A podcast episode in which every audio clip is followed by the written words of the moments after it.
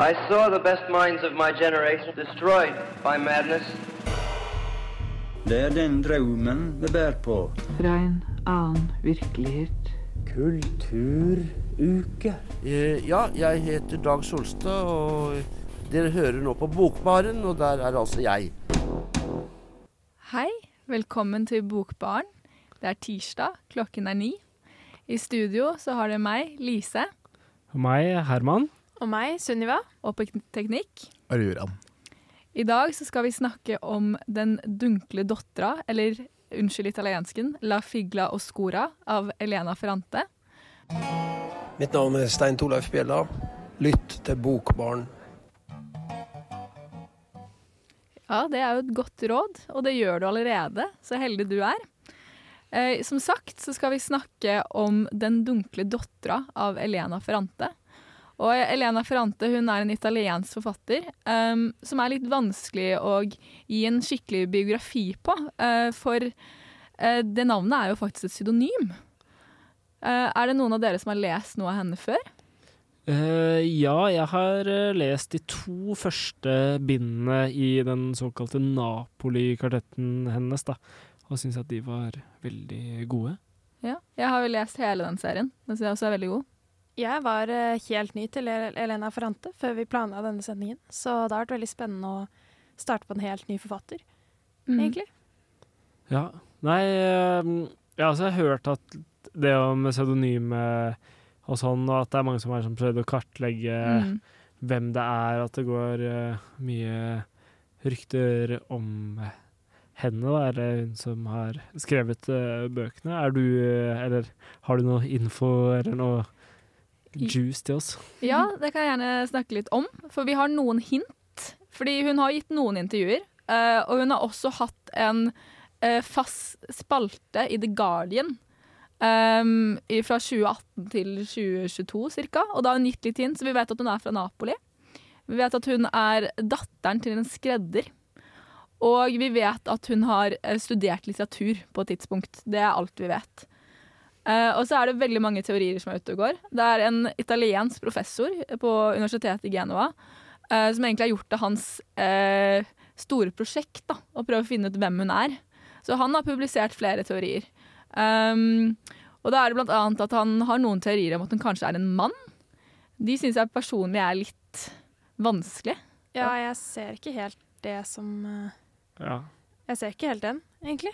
Ja, når dere som uh, lytter på hører vår analyse og ja, tanker om uh, den dunkle uh, dattera, så kommer nok dere også til å se hvorfor det kan ses litt vanskelig å forstå seg på.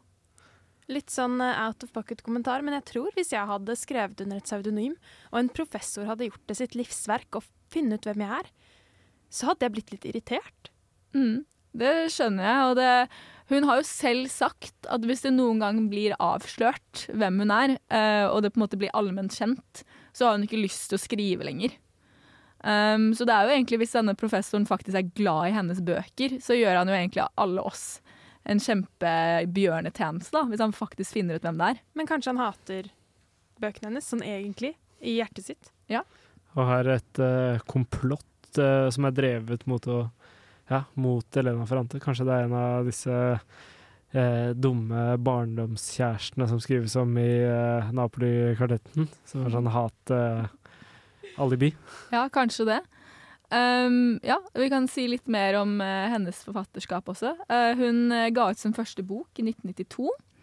Uh, og den heter jo da La amore molesto, eller Hjemreisen på norsk. Uh, direkte oversatt så blir det vel noe sånt som Vanskelig kjærlighet. Um, og den boken vi skal snakke om i, i dag, den kom jo ut i 2006 på italiensk. Men hun ble jo egentlig for alvor kjent for norske og internasjonale publikum med Napoli-kvartetten, som ble gitt ut mellom 2011 og 2015. Um, og det gjorde jo henne til liksom en av våre store samtidsforfattere. Hun var jo på list, uh, New York Times-listen over 100 mest innflytelsesrike personer i 2016. Ja, jeg ser eh, den veldig godt. Eller sånn der, eh, Jeg husker eh, den perioden da bøkene kom ut, og har sett så enormt mange oversettelser rundt omkring. Så hun er jo absolutt en av de største forfatterne i verden, må være. Mm. Og så har jo også den boken vi skal snakke om i dag, har blitt gjort om til film. Napoli-kvartetten har blitt gjort om til TV-serie. Så den er jo virkelig blitt en sånn allmenneie, da. Og det er jo enda mer eh, interessant, syns jo jeg personlig, da, at man ikke da vet hvem det er. Ja. Mm. Ja, det er jo Eller som vi snakket om litt uh, før sending, eller du nevnte i stad, Sunniva, dette ja, gamle begrepet eller gamle ordtaket om at forfatteren er død. Da. Men jeg tenker kanskje det er litt fint at Eller det sier noe om kvaliteten på litteraturen, når den ikke konsentrerer seg rundt liksom, forfatteren og forfatterintensjonen, men bare fenger for det den er selv. Mm. Hun har jo et par sånne sitater der hun snakker litt om dette her. Og det ene hun har sagt, er at hun ikke eh, beskytter sitt eget privatliv, hun beskytter litteraturen sin. Mm. Og det er vel litt det du er inne på, da, med at, um, at hun nesten ikke vil at uh, bøkene skal bli så påvirket av at vi vet så mye om henne. da. Spesielt siden hun ofte skriver sånne oppvekstromaner fra Napoli. Og hun, vi, ja, hun har jo sagt at hun er fra Napoli, osv. Mm. Ja, absolutt. Nei, det er uh, Ja, jeg tror også at hun gjør litteraturen en god tjeneste Mm. ved det. Eller i hvert fall uh, fanga meg. Jeg blir jo veldig sånn oppslukt i forfatterskikkelser, og Det er jo lett å ende opp i en uh, biografisk lesning av uh, romaner og sånn, spesielt når man vet mye om, uh, om forfatteren. Mm. Ja, jeg husker sånn første gang jeg leste sånn Agnar Mykle, og så leste jeg biografien hans, eller litt av biografien hans senere, og så var det sånn derre Det her er jo helt likt som i bøkene, du har bare skrevet om deg selv, og da er det sånn derre Går du liksom i sånn detaljsøken eh, søken i lesingen. Så det er Ja. liksom Det blir jo ofte litt mye å være sånn Å ja, nå leste jeg dette, og nå skjønner jeg hvorfor den personen skrev dette, fordi jeg tolker inn i deres barndom som de har skrevet eller sagt noe om på en eller annen tid. Det syns Mm. jeg ofte blir litt utafor hele litteratursamtalen. Mm. Og så syns jeg jo også at um, Ja, jeg har jo lest Hun har jo en uh, essaysamling som heter Framatugilia. Uh, håper jeg sier det riktig. Uh, og da er det jo på en måte I den samlingen så skriver hun jo veldig mye om litteratur. Så jeg føler jo at jeg, selv om jeg ikke vet noe om henne, så vet jeg veldig mye om hennes tanker rundt litteratur, som da er en kjærlighet vi to deler. Så jeg føler jo på en måte at jeg kjenner henne litt gjennom det, da, personlig. Mm, og det er en ting som eh, jeg ser på som veldig positivt. Eller jeg liker veldig godt å liksom, høre forfatterstemmen liksom snakke om ting, da. Eller sånn bo litt i tankene til den som har skrevet også. Det er ofte veldig fint, syns jeg. Mm. Jeg heter Molly Øksnvad. Fuck Riksen. Og du hører på Bokbar. Ja, du hører på Bokbaren. Eh, og vi skal fortsette å snakke om Den dunkle dottera av Elena Ferrante. Um, den handler om en mor Eller hun hadde kanskje blitt litt, eh, eh, litt lei seg hvis jeg beskrev henne først og fremst som mor. Da. Hun heter Lena. Hun er en 48 år gammel skilt kvinne som for første gang på lenge opplever at hun er alene. Mann, hun har skilt seg fra mannen. De eh, to døtrene hennes har flyttet til Canada. Og hun bestemmer seg for å ta en ferie og drar til kysten. Um, der hun da blir veldig fascinert av en stor familie fra Napoli. Og spesi kanskje spesielt av en eh, ung mor og hennes datter, eh, Nina og Elena. Og Elena har en liten dukke som heter Nani, som da Leda i et litt irrasjonelt øyeblikk tar med seg fra stranden en dag. Og det er jo det som på en måte skaper handlingen i denne boken. Ja. Det er en eh, ja, sånn klassisk, eller den Hva skal man si? En klassisk sånn derre eh, solitær, eller sånn e alenehistorie der en Mm. person reflekterer over livet, på en måte. Mm. Mm, ja, for at denne handlingen den utløser jo veldig mange tanker uh, for Lena. Ikke bare fra hvordan hun har oppdratt sine egne barn, men også fra egen barndom. Og, uh, ja, og spesielt når hun også blir litt bedre kjent med Nina, så innser hun at de har noen likheter, og at uh, det får henne til å reflektere rundt noen valg hun har tatt, som har vært ganske vanskelig i løpet av, ja, i løpet av livet. Ja, og så er den jo veldig spennende fortalt. Det hopper jo mellom eh, reflekteringer i presens, og at historien er fortalt eh, At, er, at det er eh, tilbakeblikk, eller Ja. fortalt i fortid. Ja, historien er fortalt i fortid, men det er ofte mange av um, ja, resonnementene rundt eh, ting som hun har opplevd før, som hun forteller i presens. Mm. Og det er også veldig spennende. Ja, At det er et uh, spennende grep av forfatteren, på en måte. Ja, for det virker jo som at da eh, Lena sitter senere og gjenforteller eh, denne historien. Og eh, det er litt sånn forskjellig om de um, resonnementene hun har, er em, i selve historien, eller om de er i liksom fortelleraspektet, da. Mm. Ja, og hun øhm, Jeg føler på en måte at øh, det er litt sånn underveis. Hun gjorde annet et ganske vanskelig valg på et tidspunkt der hun bestemte seg for å forlate døtrene sine i tre år. Og det er jo et valg som eh, fremdeles jeg tror egentlig ikke hun har helt har slått seg til ro med. Både det at hun dro, men også det at hun kom tilbake. Eh, så jeg kan jo forestille meg at eh, det er noe som hun først egentlig blir satt ordentlig på spissen for henne, da, når hun da opplever dette her på denne stranden. For Lena har jo ikke snakket om at hun dro fra barna sine eh, med noen utenom mannen sin. Og så har hun prøvd å sende et par brev til barna. Og så bare kommer det opp som liksom sånn random ting eh, når hun snakker med eh, Nina. Nina og, eh, Og familien og familien hennes. Mm. Og så tenker hun oi, faen, det har jeg jo aldri, aldri snakka med noen før. Så bare sier jeg det plutselig. Mm. Mm.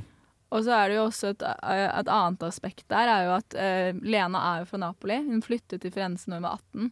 Um, og hun, på en måte, hun flyktet jo egentlig litt fra den kulturen. Hun er jo veldig negativ til på en måte den søritalienske eh, kulturen og den storfamilien osv. Så, videre. så det er jo også litt sånn, føler jeg, da, at hun eh, på en måte ser litt Nina som seg selv hvis hun hadde blitt, da. Hva som hadde kunnet skjedd med henne da. Ja, altså fordi at det er jo ja, tematikk som går igjen i forfatterskapet, Mm. og en ting som er liksom ganske spesifikt eh, for Italia, eller mange søreuropeiske land som grenser til Middelhavet, det er jo gjerne det at de har en rik og kultivert eh, nordpart, og så er liksom sørparten eh, ja, preget av fattigdom og kriminalitet og ja, arbeiderklasse, hvis man kan si det sånn. Ja, eh, og en veldig spennende, et spennende aspekt ved det er jo hvordan Lena ser på det, for hun er jo veldig enten-eller, og det bytter mange ganger i boka hvordan hun ser på denne familien. Mm. Så innimellom så ser hun de gode sidene og ser dem som vakre og nydelige og hyggelige mennesker, og innimellom er det sånn Æsj, det er ekle mennesker, stygge mennesker, ikke hyggelige og dårlige folk. Og det er veldig spennende at hun aldri klarer å liksom bestemme seg helt hva hun synes. Mm. Og det er jo en ting jeg syns er litt interessant med akkurat det poenget du tok opp, er jo at i begynnelsen så er det jo veldig Nina hun idealiserer. da. Hun Mm. tenker å, dette fantastiske eh, datter-mor-forholdet som hun ser på, da. Og så, eh, når hun lærer mer om Nina, når hun får vite at Nina også har hatt tanker om å dra, når hun får vite at Nina har en affære med en ung mann som heter Gino, som man også blir kjent med i løpet av boken, Um, så idealiserer hun mer og mer familien. For jeg, jeg husker veldig godt at uh, når hun snakker med eh, familien til Nina um, etter at hun har fått vite om denne affæren, eh, da kommenterer hun på at hun plutselig syns at de er vakre, selv om hun gjennom hele boken har egentlig kalt de stygge. Og at hun sier hvem er det som har bestemt at Nina er vakker og de er stygge. Og så er det veldig spennende det med at hun starter å se på Nina som veldig vakker og nydelig. Og så på slutten eh, så sier hun Nina ble veldig sint og begynner å banne på sin eh, ja, som hun ikke syns, en dialekt som eh, Lena ikke syns er veldig fin. Mm. Og så sier hun å ja, hun høres ut som bestemoren min. Mm. På en sånn veldig negativ måte. Og veldig sånn nå er Nina liksom fienden, da, eller Ja, det er sånn det hele sånn, kommer frem som en sånn slags sånn selvransakelse med både hat og kjærlighet for egen eh, fortid og egen eh, familie og sånn, da. Og at den, det møtet med den andre familien på en måte starter en sånn slags refleksjon og tanke, en sånn slags konflikt, da. Og spesielt det som baserer seg på de regionale for, eh, ja, forskjellene i Italia. Mm. Og også det med at hun, når hun snakker om sin egen mor, så kommenterer hun veldig på at sin egen mor prøvde å være en litt finere dame enn det hun var. At hun liksom latet som at um, eh, faren ikke hadde den jobben han hadde, og at hun kledde seg finere og la om og snakket italiensk istedenfor å snakke dialekt. Ja. Vi skal fortsette denne diskusjonen litt mer etterpå. Da skal dere kanskje også høre litt mer hva vi likte, og hva vi ikke likte eh, i boken. Dette er Lars Elling, og du lytter til Bokbaren. Vi snakker fremdeles om Elena Ferrante sin bok 'Den dunkle dattera'. Um, og vi kan komme, komme oss litt tilbake til det vi diskuterte om uh, rett før uh, låtene. Uh, og dette her var jo det med klasseskillet og um, Du hadde noen tanke på det med dialekt, i, bruk av dialekt i boken, Sunniva? Ja, for det er jo kjent at det er jo veldig Eller i hvert fall et ganske stort uh, dialektskille uh, i Italia. Og det er veldig mange fordommer knyttet til de dialektene. Uh, nesten lignende sånn eh, Norge hadde når det var så stort nordlendinghat tidligere. Eh, som fortsatt er en ganske blomstrende kultur der. Mm. Har jeg forstått? Ja, ja, eh, ja, jeg har jo bodd i Italia, det kan jeg kanskje fortelle. Og det husker jeg at det var et par kommentarer der om søritalienere som ikke gjorde at jeg følte meg 100% bekvem. Um, og det er jo litt sånn med den hovedpersonen uh, at hun dro til Firenze, og det er jo virkelig måte, et av de måte, akademiske hjertene da, i Mhm. Nord-Italia. Så hun kom seg på en måte så langt unna kulturelt som hun kunne. Og hun sier også at hun dro til Firenze og endra dialekten sin. Mm. Og så ble hun tynn og pen og liksom sånn perfekt akademiker, og ikke fra Napoli i det hele tatt. Ja, så det er jo mange sånne der, eh, assosiasjoner fra denne hovedkarakteren sin side til Napoli som noe fælt, da. Så det er en sånn der, Jeg vet ikke, en sånn grunn til selvforakt, eller det, er, Mm. det står for mye av den selvforakten og refleksjonen som kommer fra hovedkarakteren i romanen. Ja, eh, og når folk bryter ut i en bredere dialekt, så er det ofte i sinne, Mm. og så banner de, og så tenker Leda sånn Oi, nå høres det ut som foreldrene mine eller familien min. Som liksom er en veldig dårlig ting. Eh, og en spennende ting med det er at Lise, du har jo tidligere fortalt meg at uh, det er Elena Ferrante selv som har valgt at denne boka skal bli utgitt på nynorsk. Eller, uh, den er jo gitt ut av Samlaget, og de Ja. gir jo ut bøker på nynorsk. Men jeg leste et intervju for en stund siden med eh, Jeg tror det var uh, en som uh, agenten til Elena Ferrante. Og da var det ikke nødvendigvis at hun hadde sp eh, spurt om det, men det var at når hun fikk vite at det var gitt ut på et minoritetsspråk, så syntes hun at det Mm. var veldig fint. da. Og så at hun hadde fått beskjed om at dette på en måte var en type dialekt. Um, og jeg tror at ja, det, det var noe hun likte godt, visstnok. Ja, og det legger jo et lag opp på dette ja, Mm. språkdiskrimineringen som skjer i boka. Mm. Ja, for jeg syns hun er flink til å ta opp uh, mye problematikk og ting som diskuteres, mange usikkerheter og dilemmaer, da. Sånn et av de kanskje sånn sterkeste motivene i eh, romanen er dette med morsrolle. Mm. Jeg vet ikke om dere beit dere merke det i, i lesningen? jo da. Ja. Og spesielt også kanskje når hun eh, tar til seg denne dukken, da. Eh, for hun får et litt sånn morsforhold til den òg. At hun er veldig opptatt av at hun skal vaske den, og at hun føler at Elena ikke har tatt ordentlig vare på den. Som er et litt rart forhold å kanskje ha til en dukke som egentlig hører til en treåring. Ja, men uh, av frykt for å kåte Barbie Mm -hmm. uh, Det er jo mange barne- eller babydokker, da. Mm. Og det å leke mor er jo veldig satt i de fleste kulturer. I hvert fall vestlige kulturer. Eh, så det er jo en type å- å- start på mors, morsrollen, da. Mm.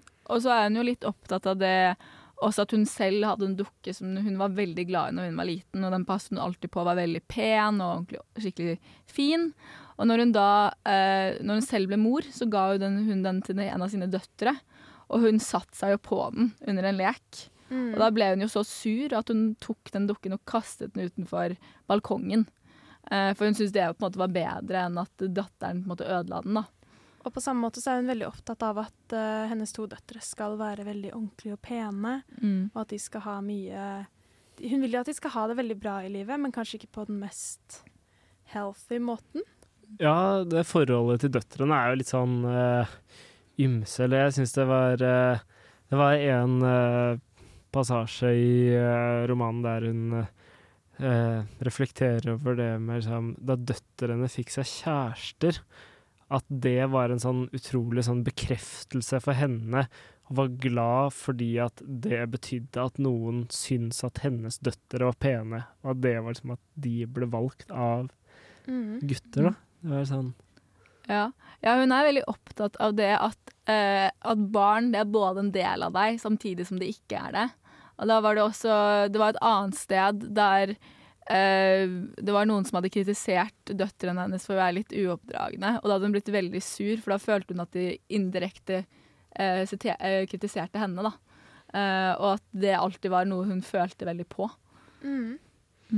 Mm. Ja, hun fanger liksom den derre Eller ja, nå er det jo ingen av oss eh, her i studio eh, som har barn, så Som jeg vet, i hvert fall. Så er det liksom den der Det virker som hun på en måte fanger liksom kompleksiteten med det å ha barn, da, og forholdet mellom forelder, barn og kanskje enda mer spesifikt mor-datter. Ja. Nå har vi gitt veldig mange komplimenter til denne boken. Er det noe dere ikke likte? Eller noe dere følte litt på? Uh, jeg må si at jeg var veldig veldig fan av boka. Jeg syns den er kjempefin. Uh, men pga. andre bøker jeg har lest tidligere, så er jeg Jeg får sånn uh, ikk, basically, av um, når en kvinnelig karakter står i lite klær foran et speil og beskriver seg selv. For det har jeg opplevd som så ubehagelig i mange bøker. Det var egentlig veldig fint i denne boka, uh, og det ga i hvert fall noe til historien, så jeg skjønner hvorfor det var der. Jeg skjønner hvorfor det var der i forhold til hennes forhold til sin egen kropp og til døtrene sine kropper og alt det der. Men eh, alt i alt så blir det litt sånn jo for min del. Ja, jeg kan skjønne at det er en litt sånn bokikk. Mm. Mm. Ja, det er også et nytt begrep vi må eh, coine, eller Ja. bokikk. Bruke litt mer. Litter, et, et litterært ikk. Nei, jeg, sånn, for meg så var det ikke så mange sånne, sånne ting. Jeg hadde det egentlig ganske godt med å lese boken og drømte meg mye bort i det italienske. Og fikk egentlig ganske lyst til å dra på ferie. Ja. Men uh, det var noe du nevnte for meg i stad, Lise, om at uh, forfatteren kanskje prøver seg på litt mange ting på litt få sider. Ja, den, denne boken er jo bare 150 sider. eh, og som dere kanskje har forstått, lyttere, så har vi vært innom veldig mange forskjellige temaer her nå. Og jeg syns nesten det ble litt mye. Eh, jeg syns tempo kanskje ble litt eh, raskt. Eh, og en ting jeg følte litt på, var jo det at hun senere kommer jo ut med Napoli-kvartetten, der hun da innom er innom veldig mange av de samme temaene. på litt flere sider. Og da føler jeg på en måte at dette nesten ble et litt sånn førsteutkast på å prøve seg litt frem.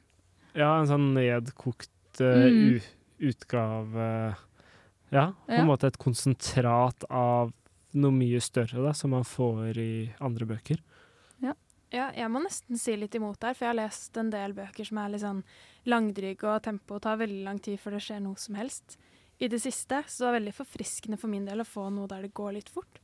Eh, og jeg var egentlig veldig fan av at det lar mye av disse spørsmålene liksom stå åpne. Det er ikke sånn, Vi finner ikke noen konklusjon på noen av tingene. Det er bare sånn vi åpner opp for debatt rundt mange problemer. Og det syns jeg var veldig spennende.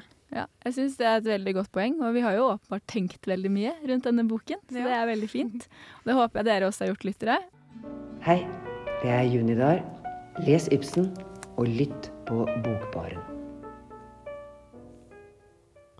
Ja, les Ibsen. Det kommer vi kanskje litt tilbake til eh, en annen gang.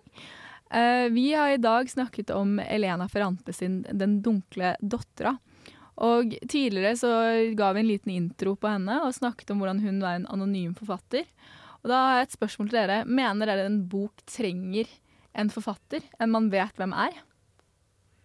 Nei.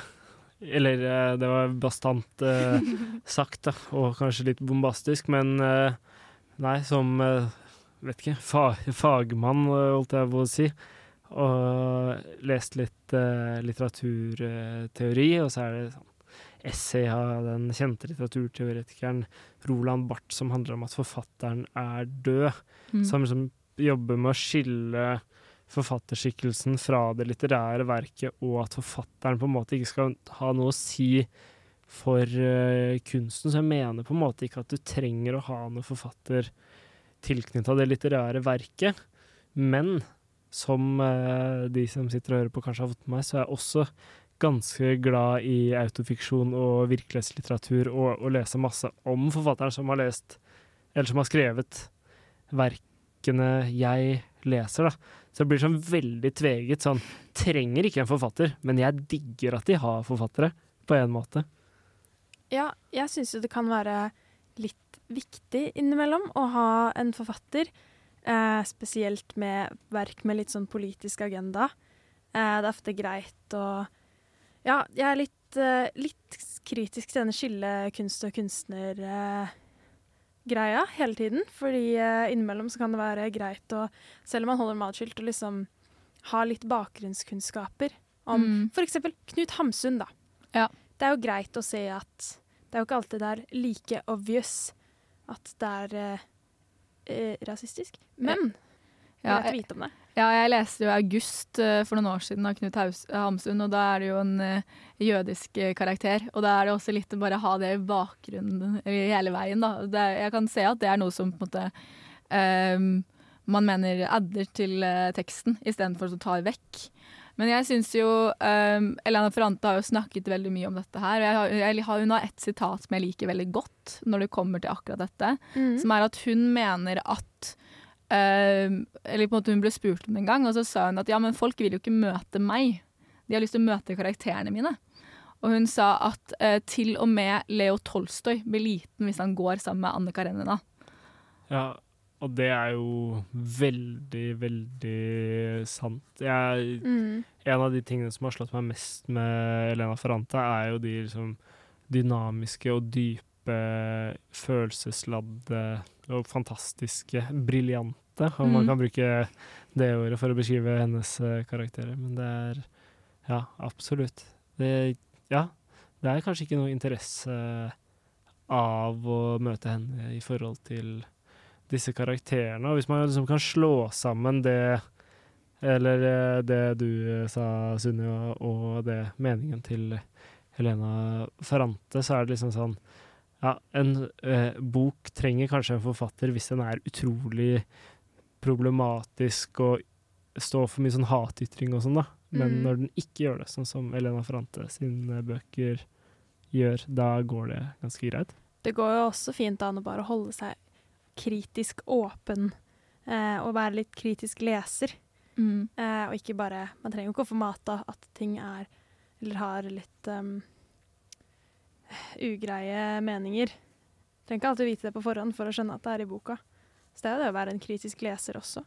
Ja, det var jo litt som vi snakket om i stad, med dette med dialekter og på en måte med Napoli og sånn. Og vi antar jo kanskje selv at uh, Elena Ferrante på en måte bare observerer det. Men det kan jo hende at hvis vi hadde visst hvem Elena Ferrante var, at kanskje hun er en i han som faktisk hater søritalienere, så hadde jo det påvirket hvordan vi hadde lest boken. Mm. Ja. Mm. Men uh, i min lesning av boken da, så er jo også eh, Leda kritisk sin, til sin egen holdning til det. Mm. Og det hjelper jo veldig. Hun er veldig aware over sine liksom, fordommer, Mm. selv om hun fortsatt har dem. Ja, Mm. det er et godt poeng. Ja, absolutt sånn der metaperspektiv innad i romanen. Ja. Mm. ja. Og jeg synes et annet eh, ja, Jeg sitter her og siterer Lena Ferrante mye i dag, men jeg, har sagt, jeg er veldig glad i hennes essays. Så jeg har et annet at jeg også fant, som jeg, der hun også snakker om at ehm, hun mener at hun selv ikke egentlig er anonym. Hun har jo signert liksom, Hun har jo samme navn på alle bøkene.